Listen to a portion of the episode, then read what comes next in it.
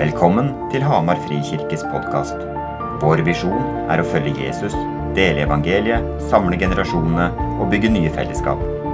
Les mer om oss på hamarfrikirke.no. Her er talen fra søndagens gudstjeneste. De siste ukene har jeg prøvd å sette ord på hva evangeliet er. Og jeg, jeg, jeg har gitt en oppsummering eh, ved starten, de siste gangene, men jeg kommer ikke til å gjøre det nå. Du, men, men alt henger sammen. Så hvis du ikke har hørt hva jeg har sagt fram til nå, så må dere høre på det etter i dag. Fordi jeg tror alt henger sammen.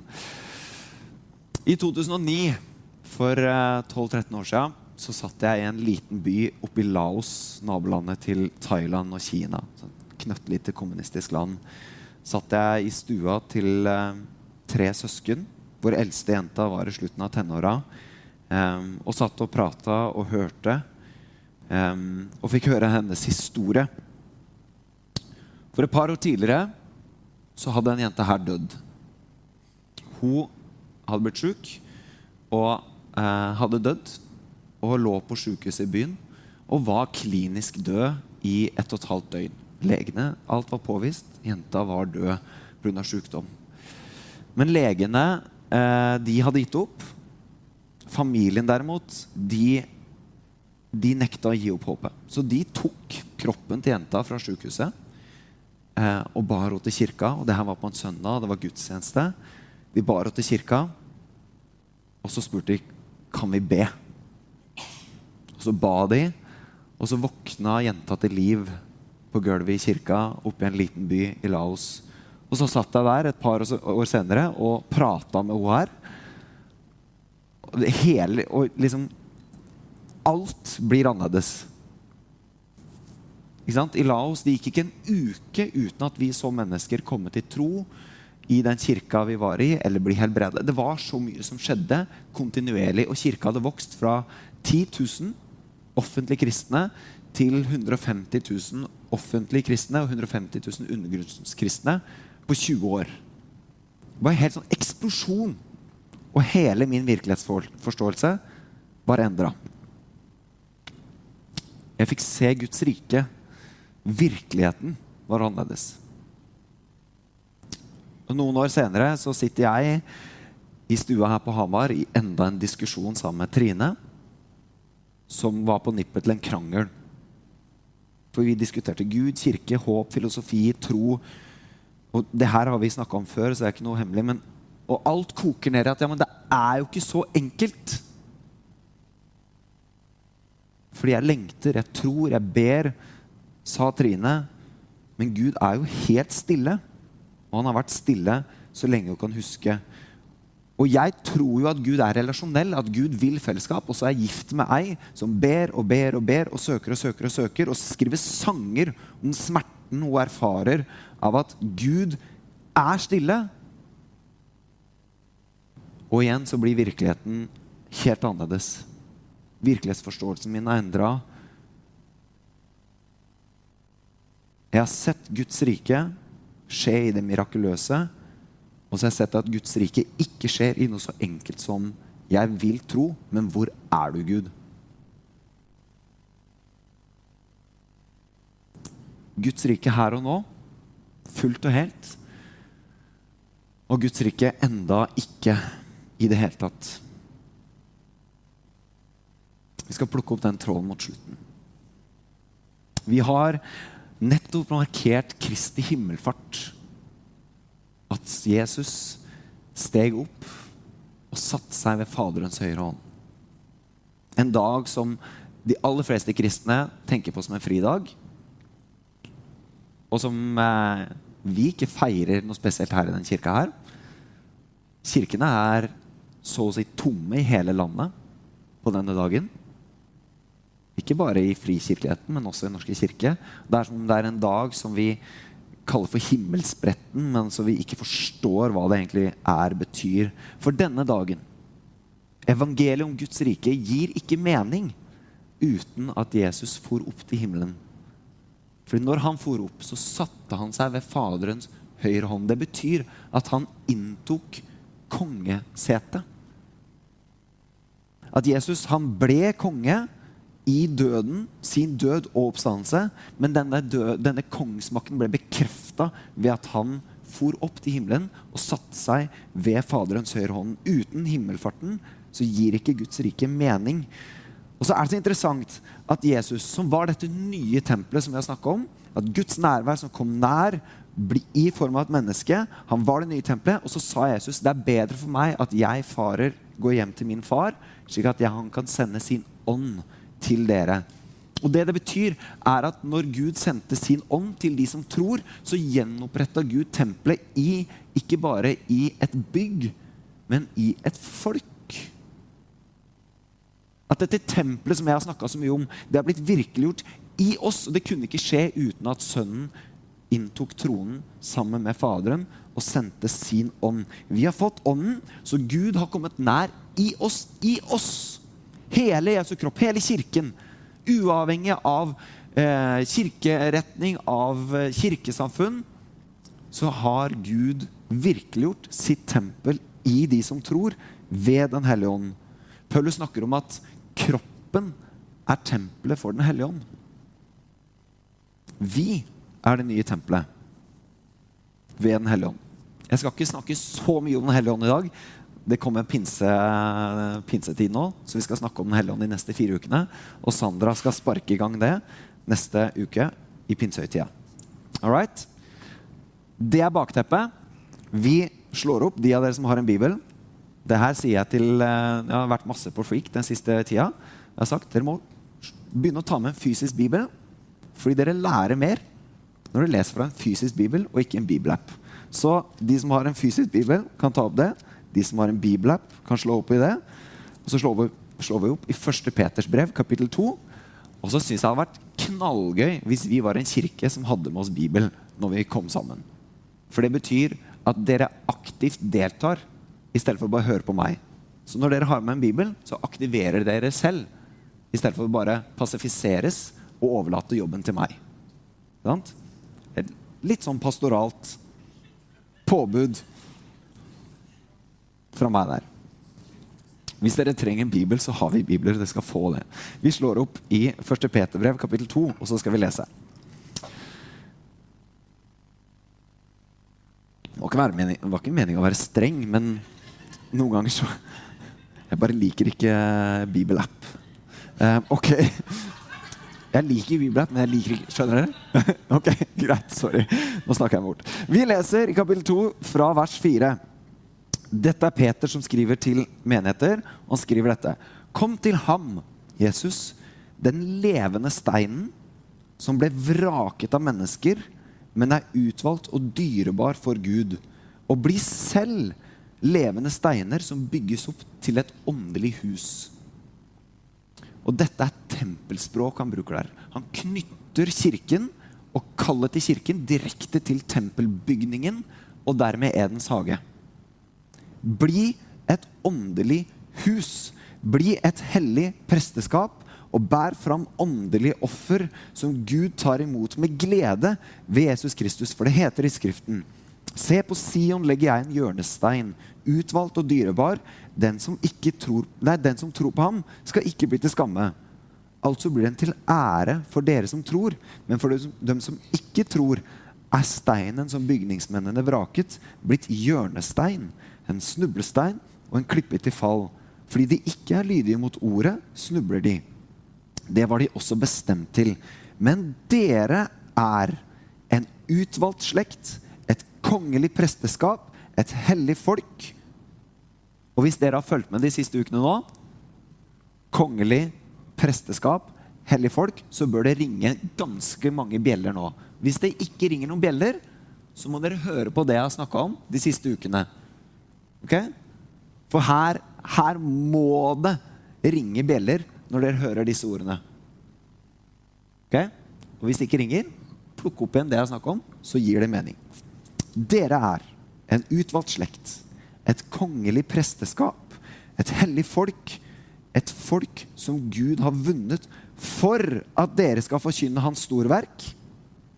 Det skal Sigrid Helene snakke om i juni. Misjonsbefalingen. Han som kalte dere fra mørket og inn i sitt underfulle lys. Dere som før ikke var et folk er nå Guds folk. Dere som før ikke fant barmhjertighet, har funnet barmhjertighet. Jeg kunne egentlig lagt fram meg boka, gått ned, fordi Peter har sagt alt jeg har sagt. Men hva betyr det? Så jeg skal fortsette å snakke. Ok. Peter siterer her fra 2. Mosebok kapittel 19, når israelsfolket i ørkenen de har blitt fridd ut av slaveriet i Egypt. De er akkurat blitt satt fri. Så kommer Gud og sier til dette folket som er satt fri, dere skal være et kongelig presteskap for meg. Bare se for dere, De har vært slaver i 400 år, og så kommer det en og sier nei, nei, dere skal være et kongelig presteskap. Tenk for et gjenoppreisning det har vært. Det må ha vært helt sjukt å høre det. For det var kun farao som var konge. Det var kun farao som var Guds bilde. Det var kun farao og hans prester som hadde noe med Gud å gjøre. Og så kommer Gud og sier nei, nei, dere er konger. Dere er prester. Dere skal være et hellig, annerledes folk for meg. Det er, fri, det er frigjøring og gjenopprettelse Gud gjør der i Israelsfolket. Og Peter plukker opp det her og sier dette gjelder dere som kirke. Dere er satt fri, dere er gjort hele, dere er, er annerledes og nye. Dere skal være et kongelig presteskap. Kirken skal leve ut dette tempelet av å være et mikrokosmos i verden. Der himmel og jord møtes. Dere skal leve med Gud midt blant dere. Dere skal være hellig, dere skal være annerledes. Og dere skal leve ut kallet fra Edens hage om å være Guds bilde, som speiler Gud til verden, som tilber, som elsker, som skaper, som er kreative. Dere skal være et kongelig presteskap, et åndelig hus som bygges opp. Dette er det Peter tegner her. Han tegner hele historien. Han inn og sier til folket, til kirken, dere skal være et kongelig presteskap. Det han sier, dere må leve en ny virkelighet. Det er noe som er nytt, det er noe som er annerledes, og dere får ta del i det. Så lev det, da. Og jeg, når jeg hører sånne ting da, så tenker jeg dette er mer enn bare å tro på noe. Dette er en helt ny virkelighetsforståelse. Et helt nytt liv. Det er mer enn bare å gi en intellektuell tilslutning til noe. Men vi har en tendens til å redusere tro til noe som er Hvis du bare er enig i det, eller hvis du tror at Gud eksisterer, eller hvis du tror noe, da er du på plass. Og ja, det er sant, men det blir for lite. For det Peter sier her, dere skal være et kongelig presteskap. Et hellig folk det er litt av en visjon som tegnes. Og så skal jeg prøve i dag å si litt om hvordan det kan se ut. Men, men, jeg vil at vi som kirke vi må ha denne visjonen med oss over hva det vil si å være kirke. Vi skal være et kongelig presteskap, et hellig folk. Og For å forstå hva det betyr, så må du egentlig studere hele denne boka. her, Masse, og få oss mer og mer språk for det. For det er så mye men jeg skal prøve å velge ut noen ting i dag. OK? Um,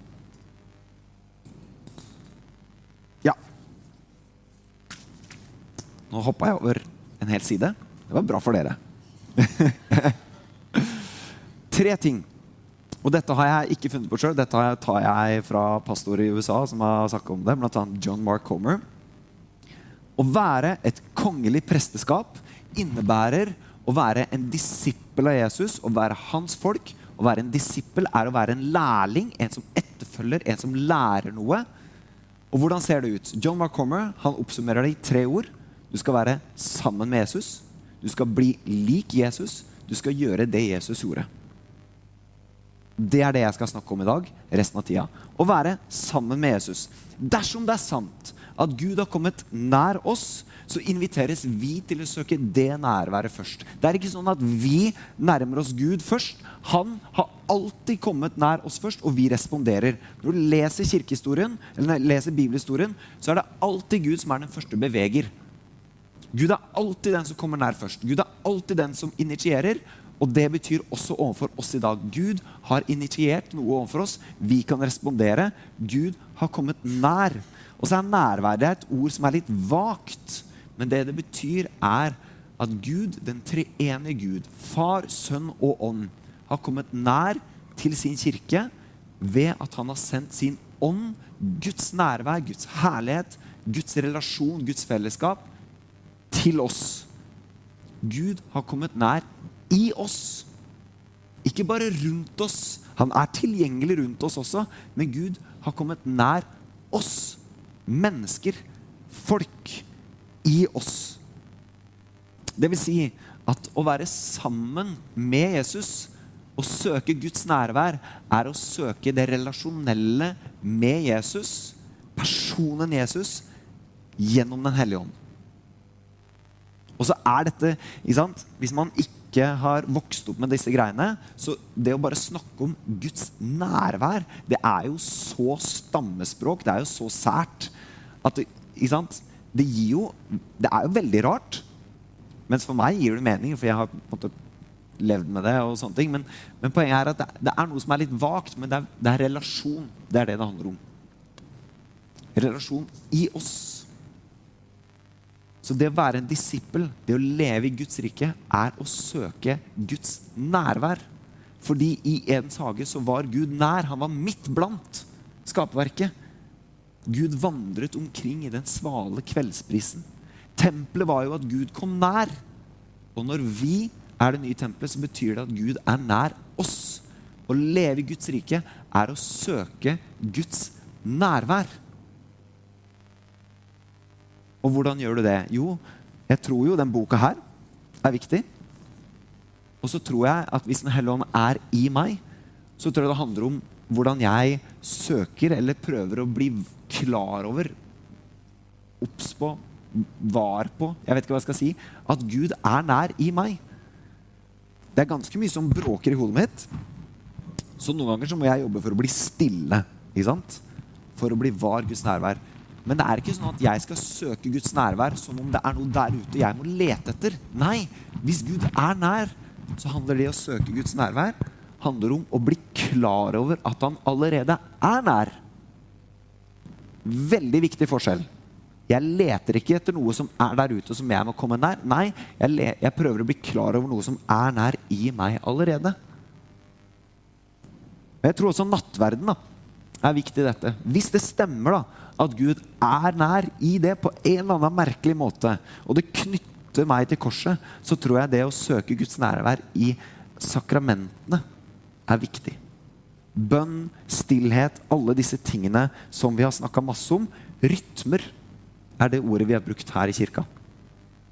Og hvis du vil høre mer om hvordan vi snakker om rytmer, taleserie fra høsten 2021, vær så god, hør på det. Jeg gidder ikke si noe mer om det nå. Ok. Joakim Magnus han holdt en glimrende tale om, for noen uker siden om hvordan det å bli i Jesus, altså være koblet på Jesus som stammen, er å være sammen med Jesus. Og når vi er sammen med Jesus, og søker Guds fellesskap, nærvær, så blir vi forvandlet til å bli lik mer Jesus. Vi får en endra karakter. Det er punkt to. Bli lik Jesus. Ok? Bli lik Jesus når vi blir kristne og kommer til tro og blir født på ny. Så får vi en ny identitet. Vi blir nye skapninger. Vi blir nye. En ny virkelighet. Guds rike er en ny virkelighet som har kommet inn i verden. Himmel og jord møtes når vi blir frelst, så får vi del i den virkeligheten, og vi blir nye, vi også. Og det Bare la meg si noe her. Mange av oss vokser opp som kristne, har vokst opp med det greiene der. Og det er veldig lett å tro at ja, men jeg, hvordan kan jeg tro på det? Jeg har jo ikke hatt de store erfaringene. Det er jo ikke noe annerledes. Jeg er jo ikke ny. Og er, jeg har tenkt hvert fall det veldig mye. Hva betyr det å være ny? Og så snakker jeg med en som har blitt kristen, som ikke har vokst opp med greiene. Og når de forteller om sin endring ikke sant? Mange av dere kjenner Karl Oskar. Jeg husker forskjellen på Karl Oskar Haugerud fra fredag til mandag den helga han tok imot Jesus og ble kristen. Han var ny, han. det er ikke sikkert han husker det sjøl engang, men jeg som sto på sidelinja og gikk parallellklassen på videregående, jeg la merke til det veldig godt. Og spør de som gikk i klasse med ham. De merka det enda bedre. Han var ny. Det var noe helt annerledes. Og Paulus snakker om at den som er ny i Kristus, er en ny skapning. Det gamle er borte. Vi blir nye. Det blir en ny virkelighet. Men så er spørsmålet lever vi den virkeligheten ut. Og hvordan ser det egentlig ut? Et språk som har hjulpet meg, da, er at når jeg snakker om det å bli frelst, så snakker jeg ikke først og fremst om at jeg har fått tilgivelse for syndene. Det er det mange tenker på at det er det det handler om. Det snakka jeg om forrige gang. At det er større enn sånn så. Å bli frelst er å bli gjort hel. Er å bli gjort ny. Fordi vi er brutt. Vi er ødelagt. Vi har vært i opprør. Å bli frelst er at det som var brutt og ødelagt, blir helbredet. Vi blir nye. Og så blir denne, Det å bli gjort hel er både et startpunkt og en prosess. Og så snakker Vi ofte, vi skiller mellom disse to tingene ved at vi snakker om å bli frelst og bli helliggjort. Men jeg mener at nei, det er egentlig en og samme ting. Vi blir gjort hele.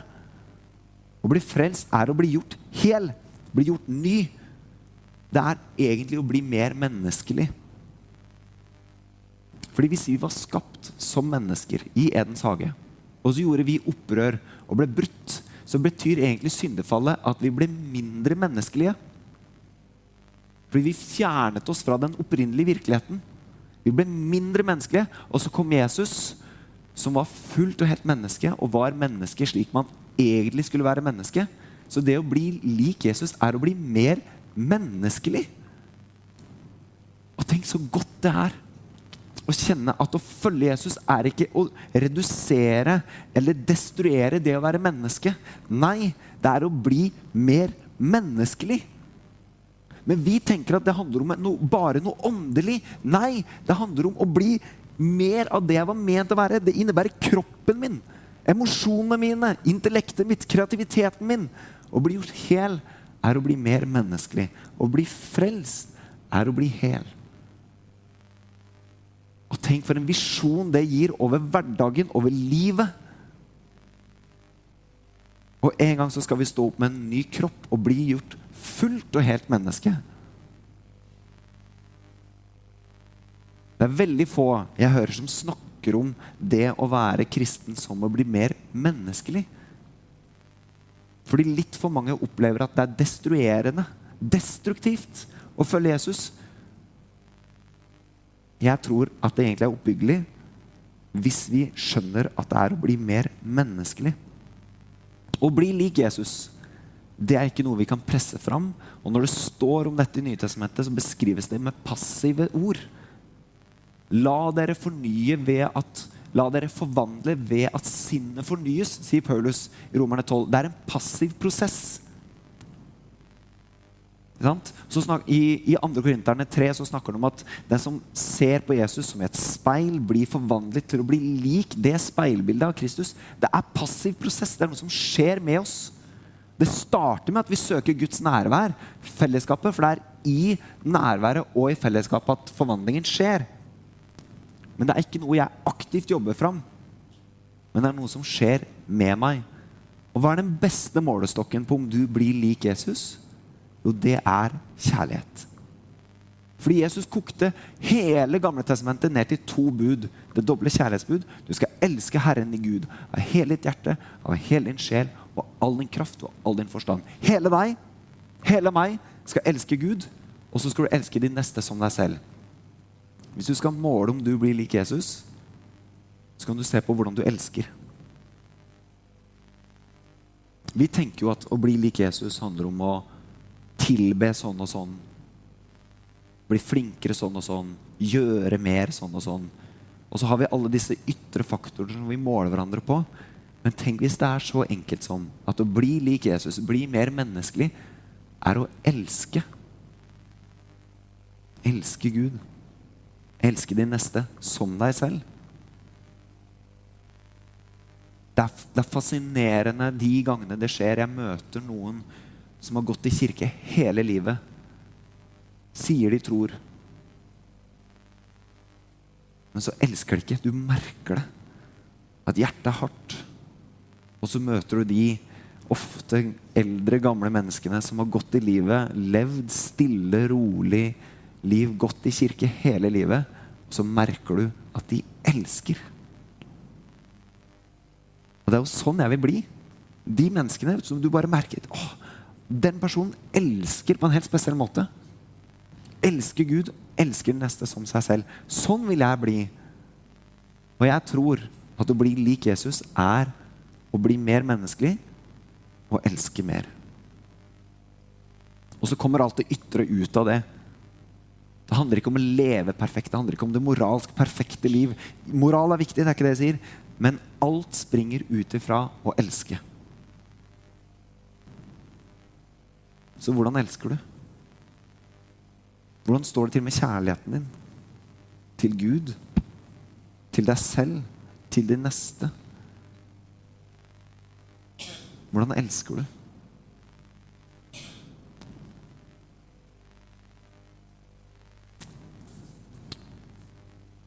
Å elske kjærligheten, det fører alltid til et liv i handling.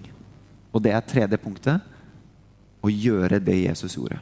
Være sammen med Jesus, bli lik Jesus, gjøre det Jesus gjorde. For Jesus var fullt og helt menneske som levde ut Guds rike fullt og helt. Og viste hva Guds rike innebærer. Så for å forstå dette så må vi få en virkelighetsforståelse som er lik Jesus sin virkelighetsforståelse. Og så må vi lære av Jesus sitt liv, hans tro og hans handlinger. Jesus praktiserte Guds rike. Og det er så mye jeg kan si her. Det er så utrolig mange ting man kan trekke fram. Så Derfor skal jeg gi dere noen stikkord. La meg oppsummere noe av det Jesus gjorde. Jesus spiste utrolig mye mat sammen med venner. Men er ikke, er, hva med tilbedelsen? Hva med lovsangen? Ja, ja. Men Jesus han var ikke redd for en fest. Og det er, det ikke, det er ikke så lett du, for litt sånn konservative kristne med den pietistiske bakgrunnen i Norge. Hva? Drakk Jesus alkohol? Og så skal jeg ikke si mer om det. Poenget, Poenget mitt var Jesus spiste med venner. Jesus oppsøkte fellesskap, fest, feiring. Tenk at det er Guds rike. Når dere i sommer inviterer venner eller familie, eller blir invitert, eller inviterer fremmede på grillfest og spiser en helt ok gildig grillpølse og drikker en kald glasscola, så er det Guds rike. Har dere en tro som rommer det? Jesus han jobba og hadde et yrke. Han var snekker. Jesus han feira høytider og levde rytmisk. Jesus han arbeida og hvilte. Jesus han ga mat til sultne. Både fysisk mat og åndelig mat. Han døde for folk han ikke kjente, men elsket. Jesus løfta opp barmhjertige ga mat til sultne og klær til nakne. Jesus levde i tillit til at Gud er den som egentlig forsørger. Jesus sto i kamp mot ondskap og kamp mot djevelen. Og så kunne jeg sagt så mye, mye, mye mer. Jesus praktiserte Guds rike. Og nå er det to ting som skjer. Typisk. Det ene er de som blir inspirert. Ja, ok, jeg kan gjøre dette. Og så er det de som tenker Men jeg klarer ikke å gjøre alt dette. Og begge deler er helt riktig. Fordi det er vi som er det nye tempelet, ikke du alene. Og dette er så viktig i vår tid at vi tar et oppgjør med individualismen og tenker at jeg skal gjøre alt, være alt, bli lik Jesus fullt og helt. Det kommer du aldri til å klare. Det er ikke poenget. Slapp av. Hva er det du har som kommer fra Gud, som Gud vil at du skal praktisere Guds rike? Ta tak i det. Hva er dine gaver? Hva er ditt kall? Hva er din hensikt? Praktiser det.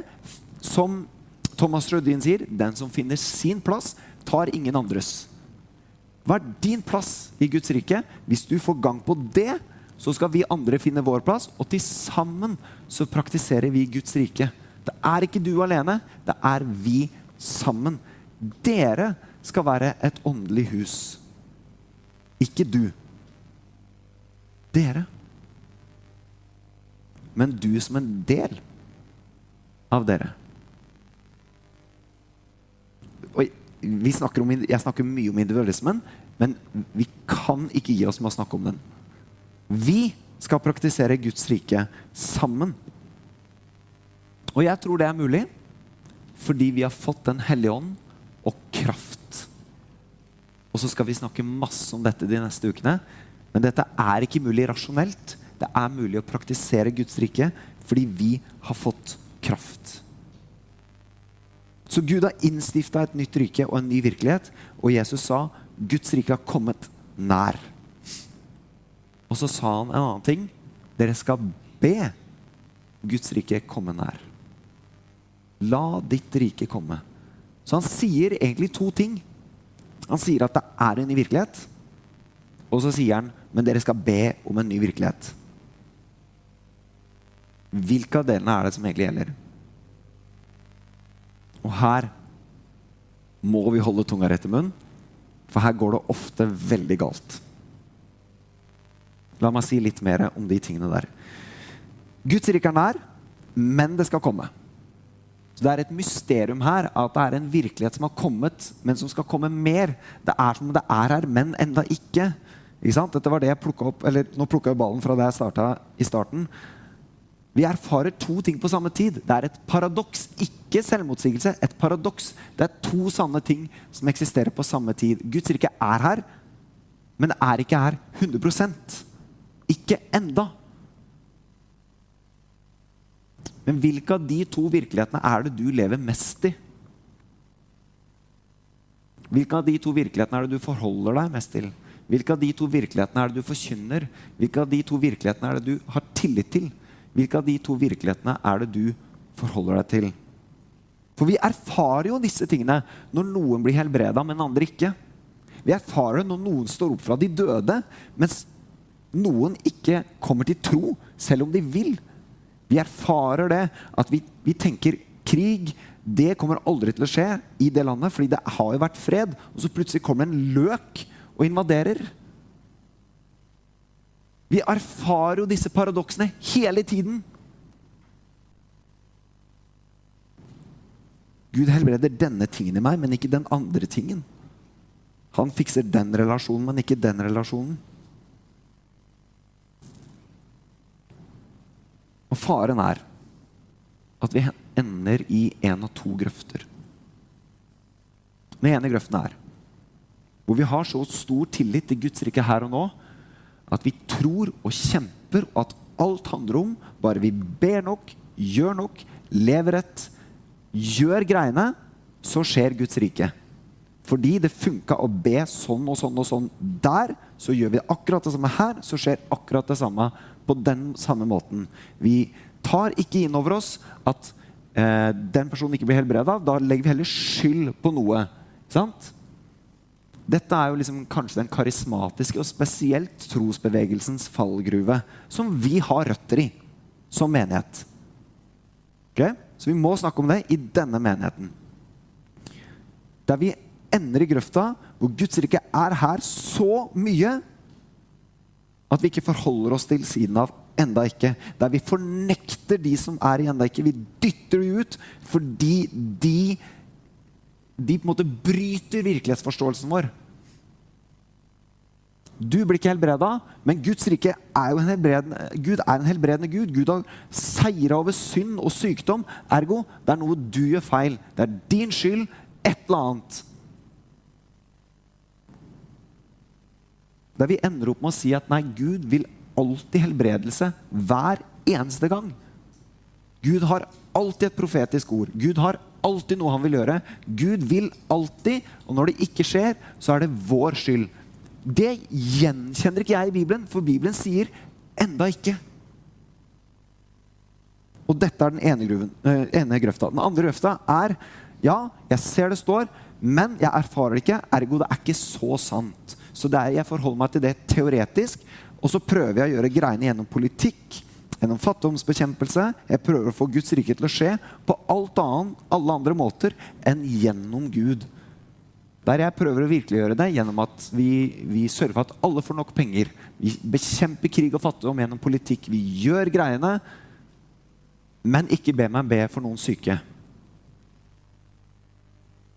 Det er den andre øfta hvor vi blir kyniske til den virkeligheten Gud har lovet at skal komme. Og dette er det rasjonelle mennesket, opplysningstida, som vi også har røtter i som menighet. Så vi må snakke om den også. Der vi prøver å fikse ting på vår egen måte, i vår egen kraft. Og så blir vi kyniske. Ja, jeg ser at du erfarer det, men ikke jeg. Ergo Guds rike gjelder for deg, men ikke for meg. Og så blir vi kyniske. Og så gjelder det å finne balansen. Og hvor er du? Hvor er vi som menighet? Og jeg tror at hvis vi finner balansen i dette, så ligger veldig mye til rette for at vi kan se Guds rike komme i kraft. At vi kan gjøre masse med politikk og barmhjertighet og fattigdom.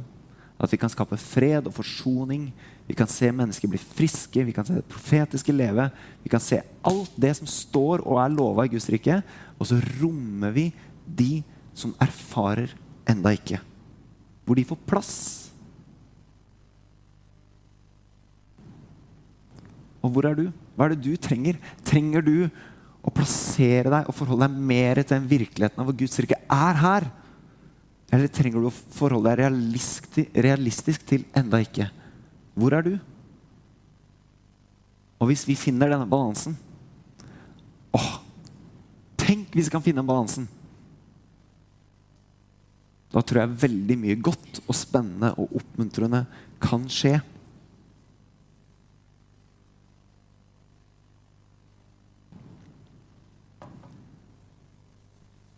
Det betyr at i Hamar, i Innlandet, så skal vi frimodig be og søke Gud. I tillit til at når vi kommer inn i Guds nærvær, så kan alt skje. Vi skal kjempe for rettferdighet og barmhjertighet.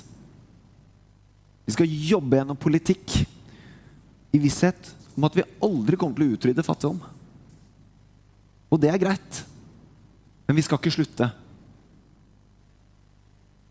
Vi skal jobbe for å redde miljøet og holde temperaturen nede i visshet om at vi ikke kommer til å fikse verden. Vi skal profetere i ydmykhet, for vi kan ta feil. Vi skal be om helbredelse, og vi skal stå imot djevelen imot løgn, imot splid og i splittelse, i tillit til at vi kommer aldri til å få til 100% Og alle kommer ikke til å bli helbreda. Vi skal leve og søke og være kirke med én fot planta i at Guds rike er en virkelighet her og nå. Det er sant! Samtidig som vi er veldig ydmyke og realistiske på at Men enda ikke.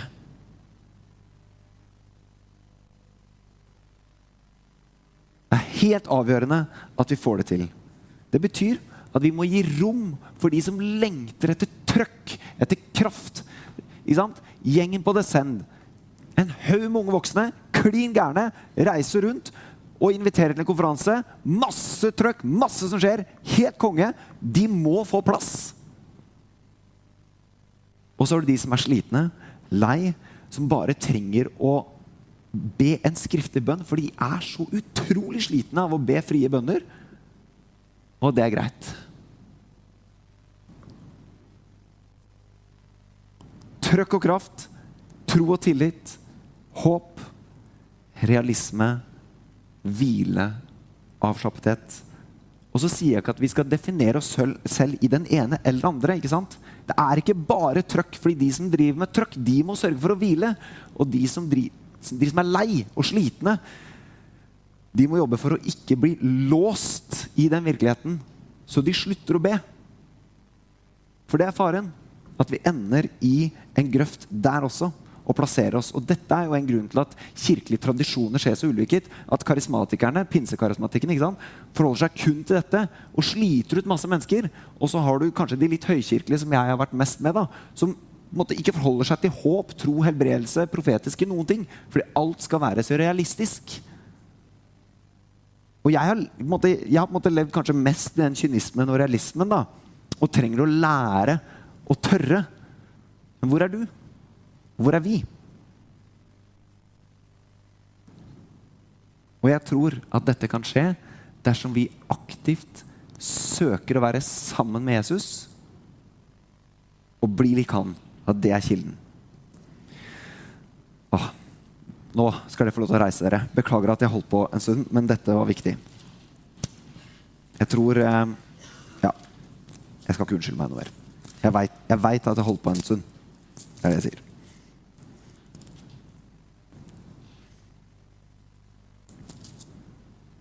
La meg be denne bønnen fra Efeserne 4 over oss. Og bare hør ordene, og så ber jeg de over oss. Må dere, sammen med alle de hellige, ikke alene, sammen, bli i stand til å fatte bredden og lengden, høyden og dybden. Ja, kjenne Kristi kjærlighet, som overgår all kunnskap. Den er ikke rasjonell. Den kommer av en annen virkelighet. Guds virkelighet. Må dere, ikke du, dere bli fylt av hele Guds fylde. Guds nærvær. Alt Gud er i oss. Bli fylt av hele Guds fylde. Han som virker i oss med sin kraft og kan gjøre uendelig mye mer enn det vi ber om og forstår.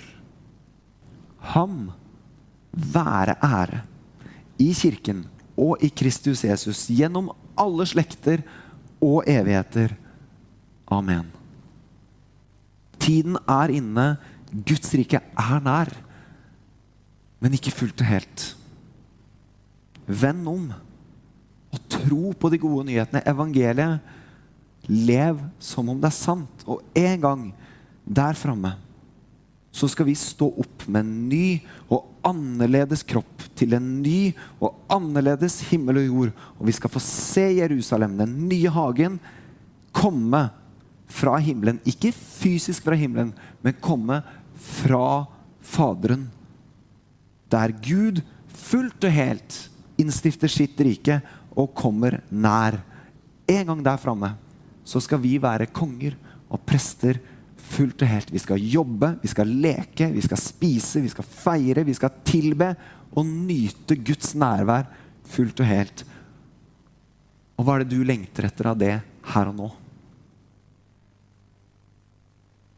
Hva er det du lengter etter?